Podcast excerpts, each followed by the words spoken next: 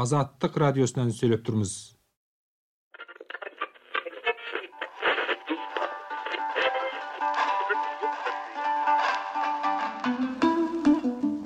азаттык радиосунан сүйлөп турбуз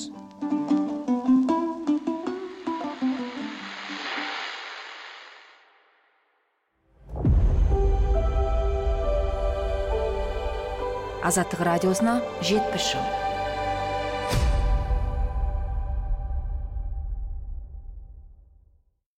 армысыздар ағайын. Кезінде қоқан автономиясының премьері болған тұңғыш темір жол инженері тарихшы алашорда үкіметінің мүшесі саяси қайраткер мұхамеджан тынышбаевтың туғанына биыл 145 жыл толмақ. Оның ұлы қазақтың тұңғыш кәсіби кинооператоры фотограф қазақфильм киностудиясын құруға атсалысқан ескендір тынышбаевтың да биыл 115 жылдығы келе жатыр. Жер айдалып кеткен әкесіне бір рет барып жәрдемдескені үшін 10 жылға сотталған ескендір мұхамеджан тынышбаевтың ақталғанын көріп кетті. Ескендір тынышбаев 1995 жылы 85 жасқа қараған шағында қайтыс болды. Біз бүгін оның бір кезде азаттық радиосына берген сұхбатына шолу жасаймыз. Онда ол әкесі жайлы естеліктерін айтады. Сонымен бірге ескендір тынышбаев өз қолымен фотоаппаратын сыйға тартқан аманқос мектептегі не дейді? Ескендірдің естелігінде де аманқостың айтқанында да назар аударарлық жайттар бар. Сонымен бүгінгі сөз тынышбаевтар туралы болмақ. Бұл азаттық радиосына жетпіс жыл аудио подкасы сіздермен бірге мен қуанышбек қари. Арғатан ер түрік біз қазақ еліміз. Самалтау шалқар көл сарыарқа мінсек жел болып суылдап шабамыз лап берсек ерленіп дуылдап жанамыз көрнекті қайраткер тұлға ресейдің ақ патшасы қуып таратқан екінші мемлекеттік думаға жетісу облысы атынан депутат болған. Кейіннен алаш қозғалысын құрушылардың бірі тарихшы ғалым қазақтан шыққан тұңғыш теміржол инженері. 1927-30 жылдары түрксіб темір жолын салған. Айтулы маман. Бүгін мұхамеджан тынышбаевтың сан қырлы тұлға екенін айтуды мақсат етпегенімізді ескерте кетсем деймін дегенмен оның өмірбаянына үңілсек досы қуанып қасының өзі именгенін көреміз. Мәселен қазақстанда совет өкіметін орнатуға белсене атсалысқан жазушы сәкен сейфуллин өзінің тар жол тайғақ кешу романында алаш қайраткерлерін сынайды да мінейді. Арасында мұхамеджан тынышбаевты да түйреп өткенімен оған өзгеше баға беретін тұсы бар. Бұл туралы сәлден соң мысалдармен тоқталармыз. Қазіргі айтпағымыз мұхамеджанның ұлы ескендір 1992 жылы азаттық радиосының қазақстандағы алғашқы тілшісі қиял сабдалинге көлемді сұхбат берген екен. Бұл сұхбатты азаттық бөліп бөліп бірнеше күн эфирден ұсынған. Бір өкініштісі сол сұхбаттың толық нұсқасы сақталмаған сияқты. Біздің қолда 1992 жылы 27-28 ақпан күнгі эфирге берілген фрагменті ғана бар. Онда ескендір тынышбаев әкесінің қоқан автономиясы кезіндегі белсенділігі мен соңынан осы автономияны құрушы мұстафа шоқаймен келіспей қоқаннан ташкент ташкенттен әулиеата әулиеатадан бетпақ дала арқылы семейге қалай жеткенін әңгімелеп берген. Оны семейге шақырған әлихан бөкейханов. Бұл да болса мұхамеджан тынышбаев сияқты қайраткердің ғұмырындағы қызықты қайшылықты кезең болар.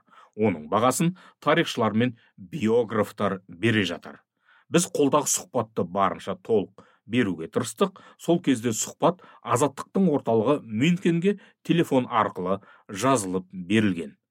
Бұл тәсіл дауыс сапасына да әсер еткен. Ескендір тынышбаев сұхбатында былай дейді. Сол бастық болып инженер болып қазір жамбыл ғой. Қазір жамбылда қайтадан әулиеата болатын болды ау деймін құдайға шүкір сол он жеті шақырым жетпей тұрғанда төңкеріс болады.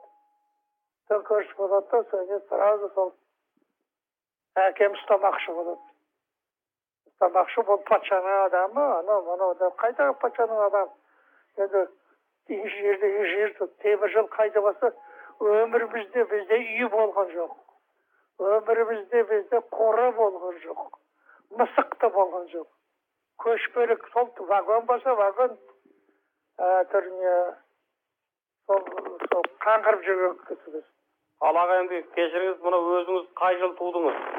Осы ә, әкеңіз кім деген кісіге үйленіп еді? Анаңыз кім? Осында азаттық радиосын тыңдаушыларыма айта кетсеңіз. Шешем арғынның қызы арғынның ішінде қаракесек сол осы, осы оқып жүргенде солардың үйінде жүрген. Сонда төрт бес қызы болған. Темір жол әлгі государственный думадан шыққасын мында келіп темір жолға кетіп бара жатқасын барады да. Мен шешеме үйленеді. Шешемнің аты гүлбахрам бақия қызы шалымбекова қаракесек арғын. Гимназияда оқыған біраз орысша білімі бар. Енді гимназия сегізінші класстан кетіп қалған он жеті жасында. Мен болсам мен ашхабадта туылдым тоғызыншы май бір мың тоғыз жүз тоғызыншы жылы атымды ескендір деп қойған қудалаудың басталған кезінен бастасаңыз ну сол бізді сол төңкеріс болғанда сол әкемізді отырғызамыз деп қаратаудың жағасында сонда қазақтар сонда келіп кетіп араласып тұрады ғой енді сонда мұхамеджан ағамен. Ақыл кеңес алып дегендей. Сөйте ме аға?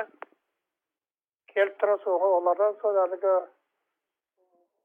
темір жолдың мамандығын үйретіп онда мен бармын шешем шымкентте.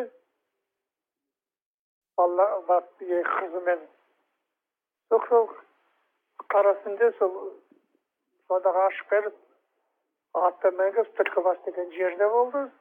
Түлкібас түлкібаста янчур деген поляк болған инженер участоктың бастығы соған соған жастыртып келеді. Жастыртып сол вагон береді де сонымен ташкентке келіп содан қоқанға кетеміз. Ескендір тынышбаев әкесінен естіген естелігінде әкесі мұхамеджан тынышбаевтың қоқан автономиясы премьері болып жарияланғанымен соңынан автономия басшысы мұстафа шоқаймен не үшін араздасқанын шет жағалап былай түсіндіреді. Қоқанда сол уақыттарда енді біраз заман өтіп кетеді. Сол уақыттарда сол әлгі каканский автономия дейді өзі түркістанский автономия онда осы сол уақыттарда бұлардың ойлары деймін әкемнің ойы мұстафа шоқаевтың ойлары түркістанды алып тастап бүкіл орта азияны автономия қылу өз байлығы өзінде өзі ешкімде жұмысы болмасын деп сөйтіп құрған онда сол менің әкемді сол қан қылып көтерген правительствоның бастығы деп менің әкемді қойған совет министрі сонда. Сонда сол төрт бес айдан кейін сол өмір сүреді қоқан автономиясы еникеев деген татар жігіт офицер крепость аламыз өңке қызылдыр большевиктер сол аламыз қызыл құртамыз деп әкем айтады жаңғыз елді құртасыңдар мұсылманды құртасыңдар қойыңдар бұны менің инженерім ала алмайсың ала алмаймыз бұны олардың зеңбірегі бір найза мен садақтан басқа неміз бар деп сөйтіп бара жатса мұстафа шоқай бір екеуі араздасып қалады араздасып қалып содан кейін сол бір түнде менің әкем содан кейін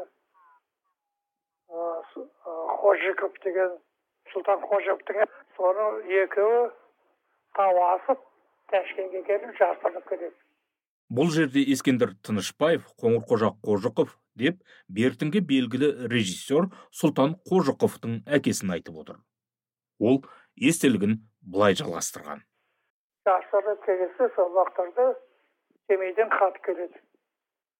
Әлихан бөкейхановтан міржақып дулатов содан міне біз осы алашорда құрдық бәріміз міне осы оңтүстік солтүстік арқа бәрі бар түркістаннан қазақтан ешкім жоқ сізден басқа таңдайтын ешкім жоқ сіз қайтсеңіз де жетіңіз алашордаға деп сөйтіп хабар алады сонда өзінің бажасы бар акаев деген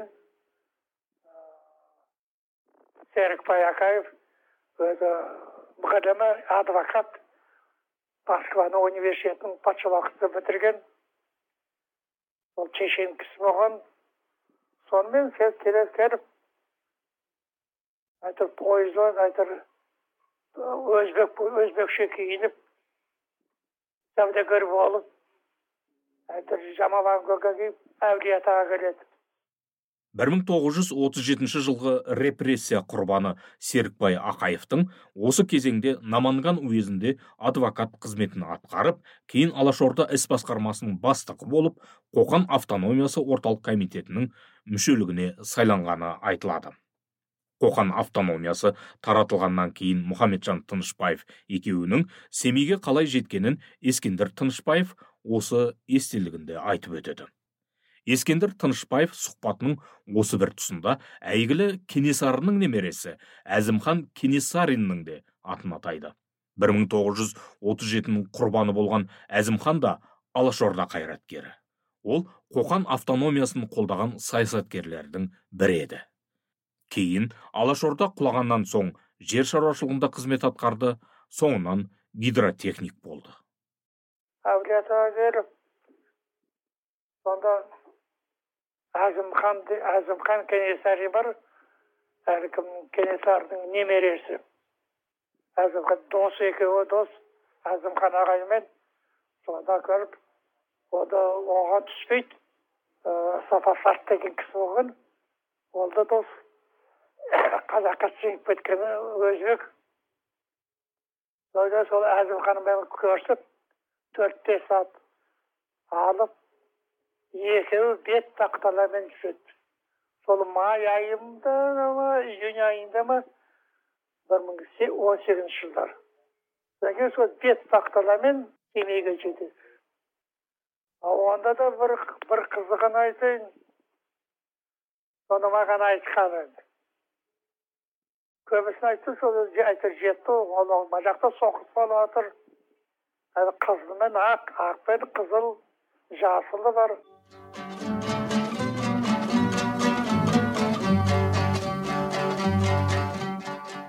Азаттық радиосынан сөйлеп тұрмыз.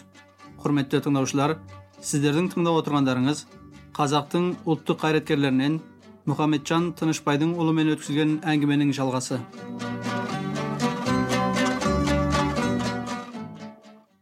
Бір күні келе жатсақ алдымыздан екі үш атты шауып келе жатыр ойбай құрыдық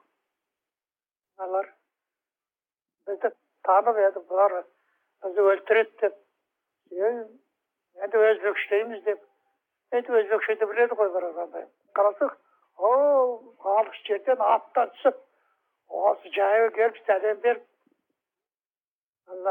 әкеме сол серікбай екеуміз екеуі сәлем беріп ойбай ақсақал ассалаумағалейкум сізді ауыл күтіп отыр қайда күтіп отыр біз өзбекпіз дейді өзбекше бізді күткен жоқ жоқ сол деп сол атқа мінгізіп қолтықтап мінгізіп әйтеуір ал бет тақтаның әйтеуір бір жерінде құдықтың бар жеріне салып барады соған ақ құлаша келген шал шығады шал барып бұларға сәлем береді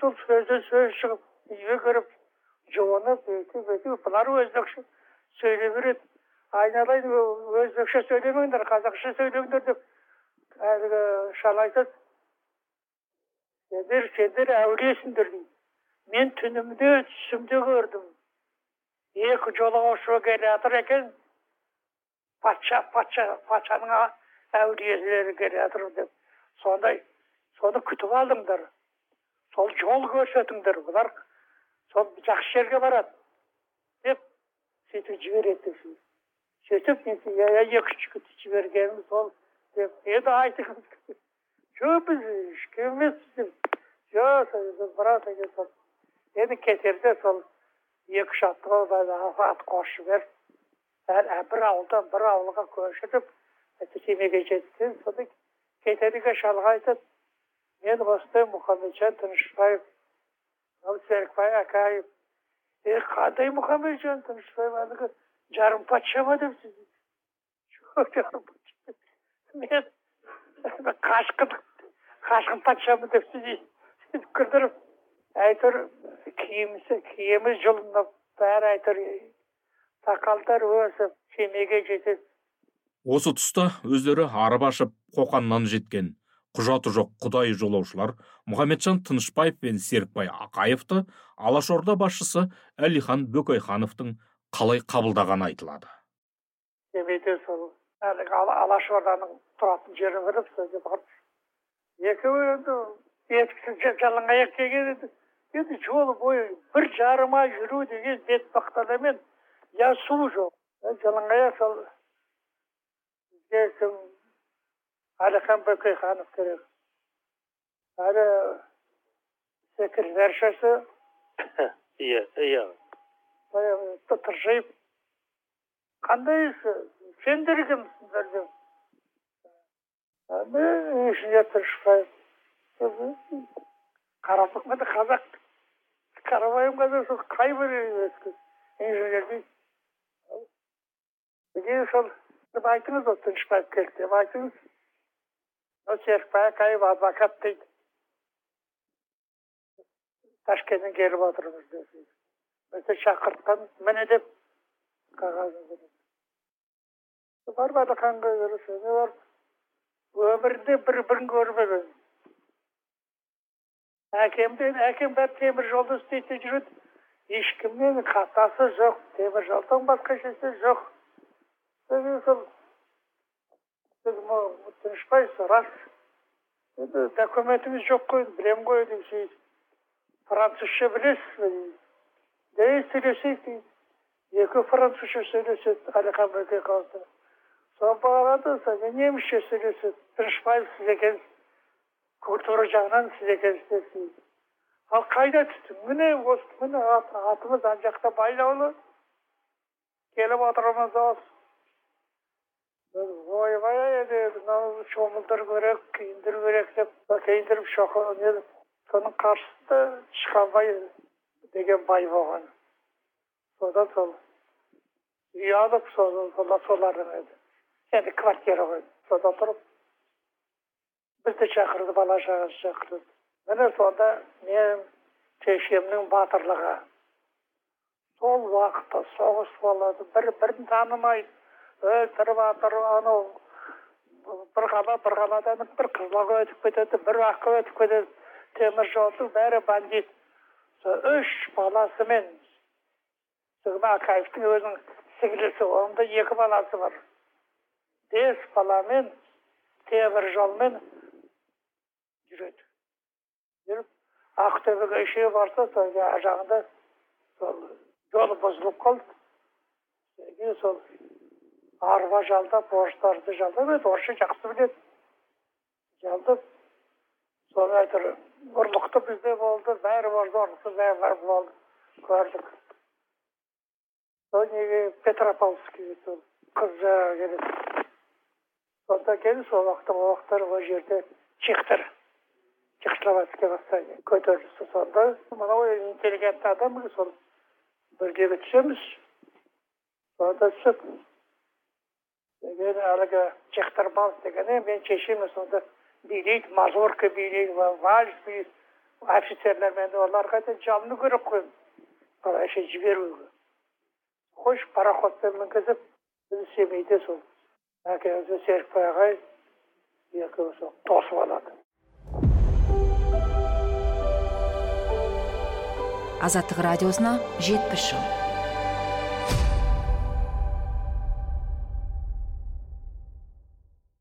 қоқан автономиясы құлаған кезде оның басшысы мұстафа шоқайдың да бас сауғалап құтылатыны бар.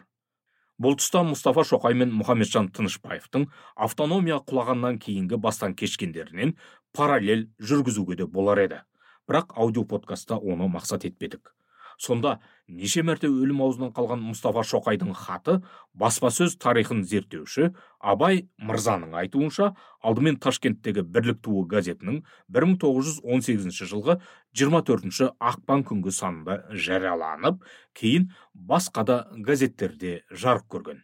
Ал мұхамеджан тынышбаевтың бетпақдала арқылы семейге жеткенін сәкен сейфуллин таржол тайғақ кешу романының бірнеше тұсында былай деп мысқылдап атап өтеді. Әлгі құр дәрінің даусынан шоқайұлы қашқанда қоқан автономиясының өзге министрлері де бет бетімен жан сауға қылған. Министрлер советінің төрағасы мұхамеджан тынышбайұлы мен министрлер советінің жауапты хатшысы қоңырқожа қожықұлы бірге қашқан. Тауға сіңіп кеткен екеуінің астында екі ат. Күндіз түні тау ішінде. Кез болған қырғыз ауылдарына баруға қорқады ит қуып сандалған киік тәрізді. Бұл әңгімені маған қоңырқожаның өзі айтып еді деп жазады сәкен сейфуллин. Сәкен өзімен бірге ақмолада совет өкіметін құрған байсейіт әділұлының мұхамеджан тынышбаев пен серікбай ақаевты осы сапарда көргенін де баяндайды. Автор өзіне байсейіттің мынандай әңгіме айтқанын келтіреді. Мен сол аргелде бір ауылда әлгі қоқан автономиясының бастығы мұхамеджан тынышбайұлы мен серікбай ақайұлына кез болдым. Қастарында жолдасы бар. Түркістан жағынан жылыстап қашып келеді екен. Алып келуге ұялдым бір ауылда түстеніп бөлек қоста жатыр екен. Салт атқа мінген. Киімдері ишандардың киімдеріндей. Мен әлгі ауылдың иесінің үйіне келіп түсіп едім. Бір ауылдан естіп келгем. Әлгі ауыл иесінің үйіне түсіп біраз отырған соң тынышбайұлдарын барып көрейін дедім. Ауыл иесі де тынышбайұлы да жаман қорықты қостарына бардым. Екеуі де түрлі түстері бұзылып сасып менімен түрегеліп амандасты. Сонан соң амандасып көңілдерін орнықтырдым. Тигем жоқ қайта жүретін жолдарын туралап жолдағы елдерін айтып жібердім деді. Міне саяси дұшпанына алашорда бастықтарына біздің жолдас бүйткен. Деп жазады сәкен сейфуллин. Сөйтіп отырып ол мұхамеджан тынышбаевқа мынандай баға берген. Алашорда бастықтарының ішінде татулықты сүйгіші мұхамеджан тынышбайұлы болған. Семейде әскери майдан соты құрылмақ болғанда тынышбайұлы қарсы болып айтысып қарысып отырып майдан сотын жасатпаған. Міне жайлар осындай болған деп жазады сәкен сейфуллин. Алашорда жасақталған кезде сәкен сейфуллин мен байсейіт әділұлы жас қазақ ұйымын құрғаны белгілі. Сол байсейіт әділұлын кейін ақтар қамап тастағанда мұхамеджан тынышбаев оған араша түсуге тырысқан. Бірақ ақтар оны бәрібір босатпаған екен. Сәкен сейфуллин соны атап өткен. Азаттық радиосына жетпіс жыл.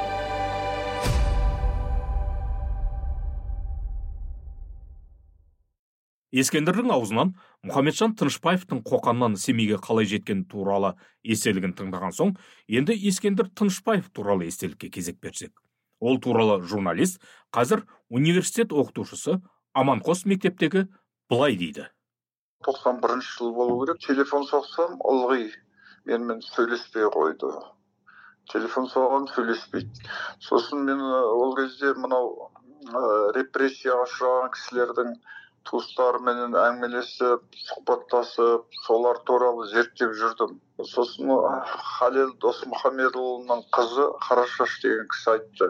Кеңес үкіметінен әбден көңілі қалған журналистерге көңілі қалған сондай адамдар ғой. Сол айтты ол кісі өкіметке ренжулі адам ғой. Тілін тап ол кісі тілін тапсаң сөйлеседі деді. Сонымен әйтеуір не керек бір туысы арқылы шығып мен ол кісіменен тікелей сұхбатқа келісім алдым. Үйіне бардым мен. Сексеннің үстінде болатын сол кездің өзінде. Сексеннің үстінде енді шынын айтқанда мына бірнеше операция жасалған ғой. Он жеті рет дедім. А есімде жоқ қазір. Ол кісінің әкесі туралы сұрадым ғой мен. Сол әкесіменен болған оқиғаларды айтты. Соның ішінде рысқұловтарменен жақсы болған. Мына тынышпайұлылар мына түрксибте жұмыс жасауы да сол осы рысқұловтың арқасы сияқты. Ә, бұл кісінің айтуы бойынша. Ә, түрксибте істеді ғой осы мына темір жолдың салынуына ә, тынышбаевтың үлкен үлесі бар. Ол менде бір кейбір хаттары бар. Ә, ол хаттарда жаңағы мына маршрутты өзгерткен көп мемлекетке пайда келтірген. Оның оның сыртында мына ұлт үшін үлкен пайдалы. Сол туралы айтты. Содан кейін қырық километрге ме сондай үнемдеген жолды үнемдеген мына осы мына қордайда қордай ашу кезінде сол жолды үнемдеген.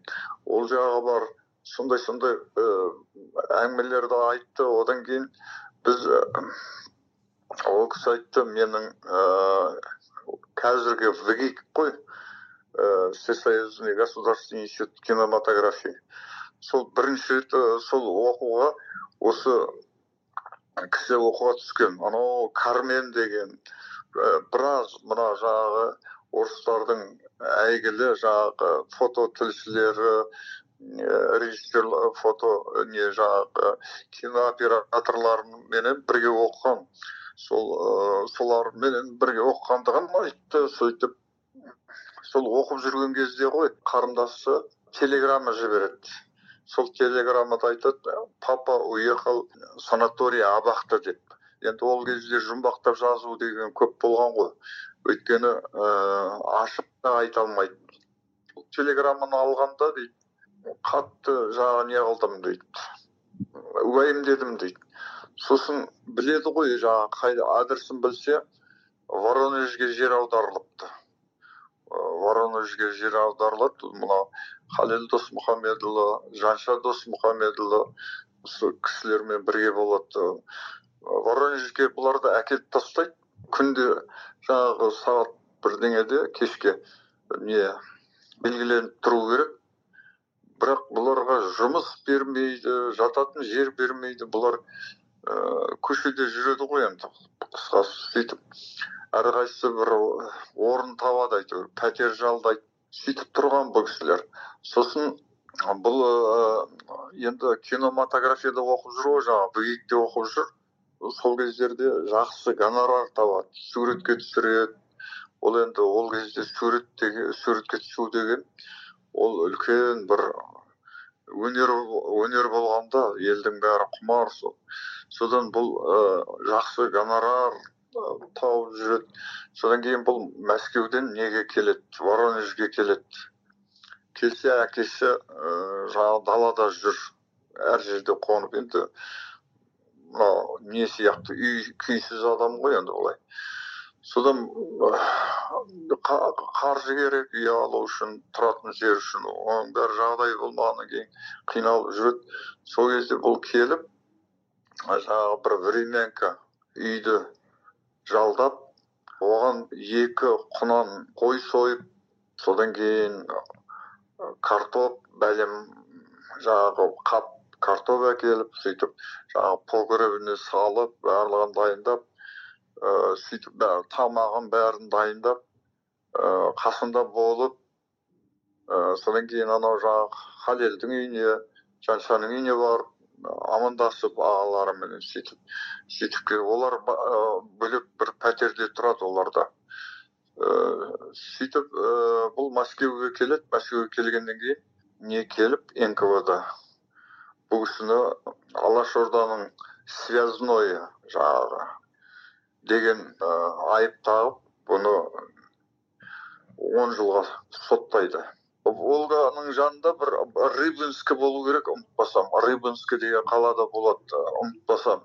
Сол жерде ә, бұл стахановшы болады. Стахановшы деген ә, жаңағы норманы екі есе үш есе орындайтын адамдар стахановшы болған. Стахановшылар ағынан жеген. Жұмысы да оңай болмаған.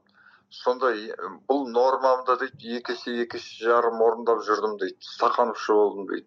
Жұрт қара нан жесе мен ақ нан жедім деді ә, сөйтіп ә, кәдімгі басшылық ә, басшылыққа көрінген ғой әбден.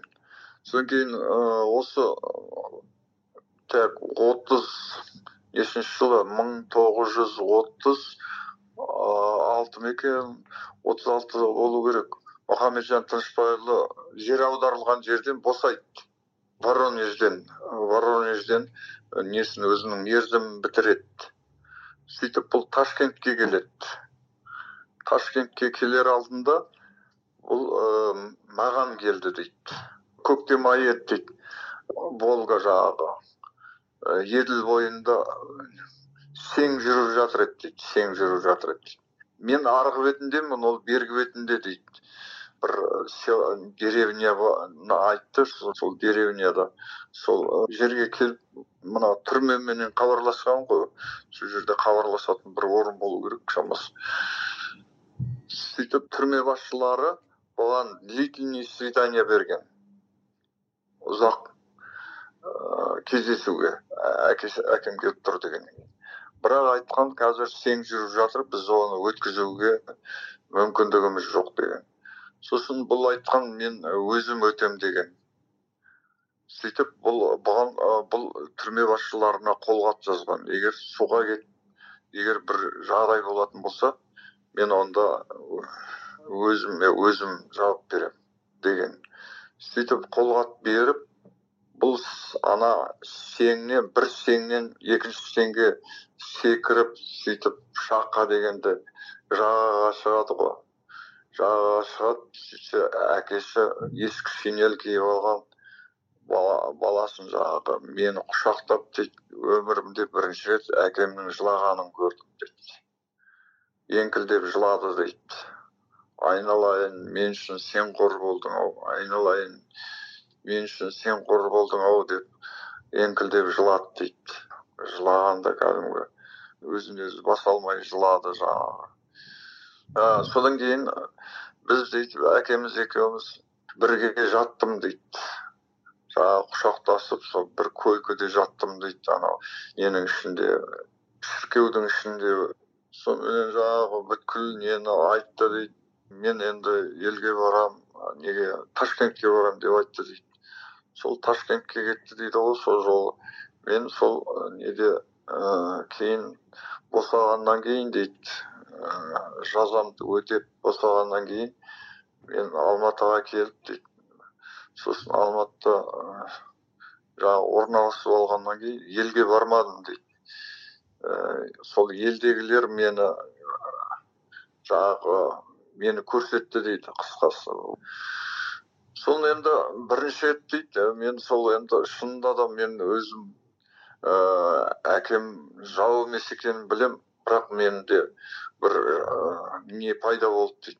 Қалай бұл? Менің әкем жау болады халыққа қызмет етеді деген ойменен мен сол ә, ташкентке кім ана ермеков әлімхан жазасын өтеп шымкентке келді дейді. Шымкентке келген кезде шымкентте тұрды дейді. Сол кезде мен әдейі сол ә, әлімхан ағаға бардым дейді барып сосын амандастым дейді амандасып содан кейін бірінші сұрағаным осы менің әкем жау жау ма айтыңызшы деп сұрадым дейді сонда ана кісі айтты дейді ә, күлді дейді кеңкілдеп сенің әкеңе жететін ә, адам жоқ. Сенің әкең ол коммунистерге коммунистерді жек көрді коммунистер оны аяған жоқ мені аяған жоқ. Сенің әкеңді коммунистер жала жапты со, со, сондықтан жек көрді. Ал сенің әкең жау емес ол халық үшін жаратылған адам деп. Содан кейін сол жерде айтты дейді біздер ешқашан ә, біз иілерміз бірақ ешқашан сыңбаймыз деп орысша айтты дейді. Аманқос мектептегінің айтуынша осы жүздесудің соңынан ол ескендір тынышбаевты фотоаппаратпен суретке түсірген. Сол сәтте әңгіме ауаны фотография фотоаппаратқа ойысқан. Соңынан ескендір ақсақал өзінің сайсикон фотоаппаратын аманқосқа сыйға тартқан екен. Сол фотоаппараттың суретін азаттық сайтына да жариялап отырмыз. Аманқос мектептегі мұхамеджан тынышбаевтың ескендірден басқа шейх али деген ұлы болғанын да айтады. Бұл енді басқа тақырып. Азаттық радиосына жетпіс жыл.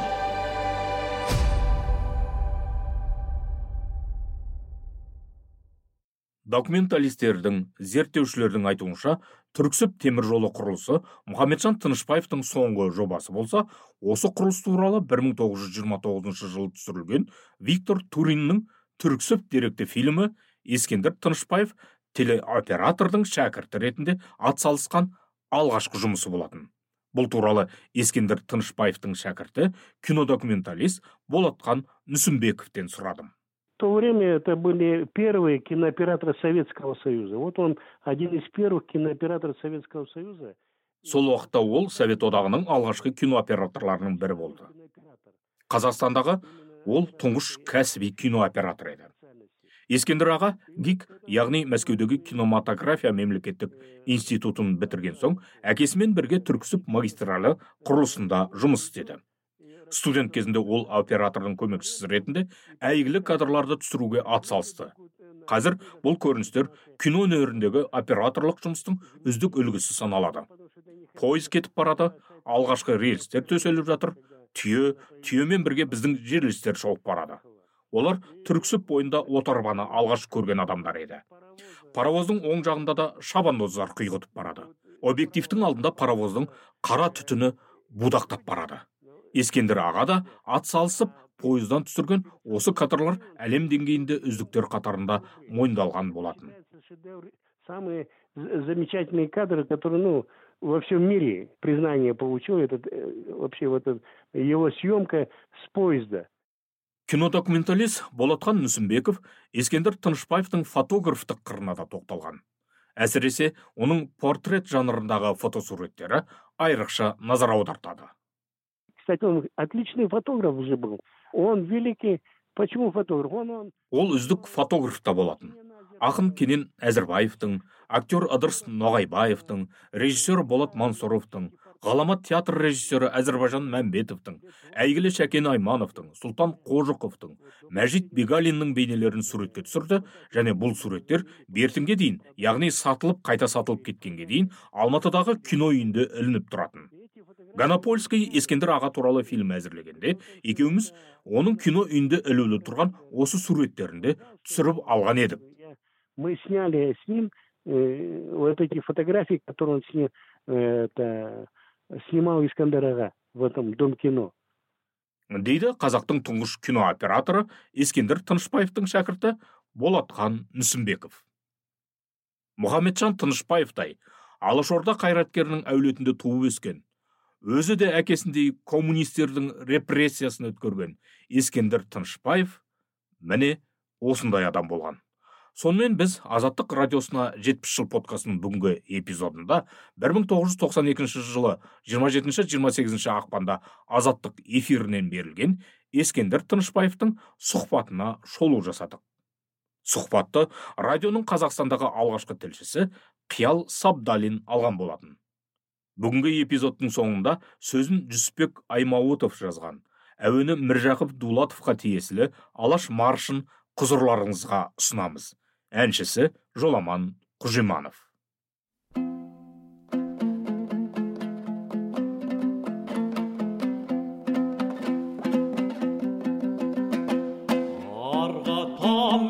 Түрік біз қазақ еліміз. Самалтау шалқар көл сарыарқа жеріміз. Ат мінсек жел болып суылдап лап берсек ерленіп дуылдап жанамыз. Алаштың ақ туын қол қылып ақырып алаштап шапқанда жау қойран саламыз.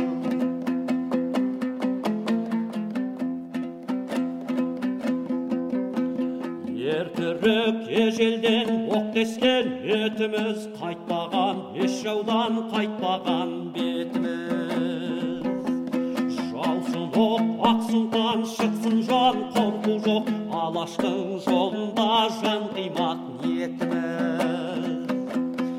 Алаштың әруағы жебесін қолдасын. Ақсақал тілей көр сапарды ондасын жасаған жар болып қазақтың еліне жасасын сақтасын алаштың ордасын. Жасасын сақтасын алаштың ордасын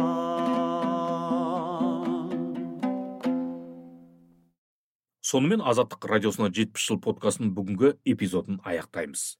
Сіздермен жұмыс істеген аудио подкаст авторы мен қуанышбек қари және аудио редактор елдар құдайбергенов болды.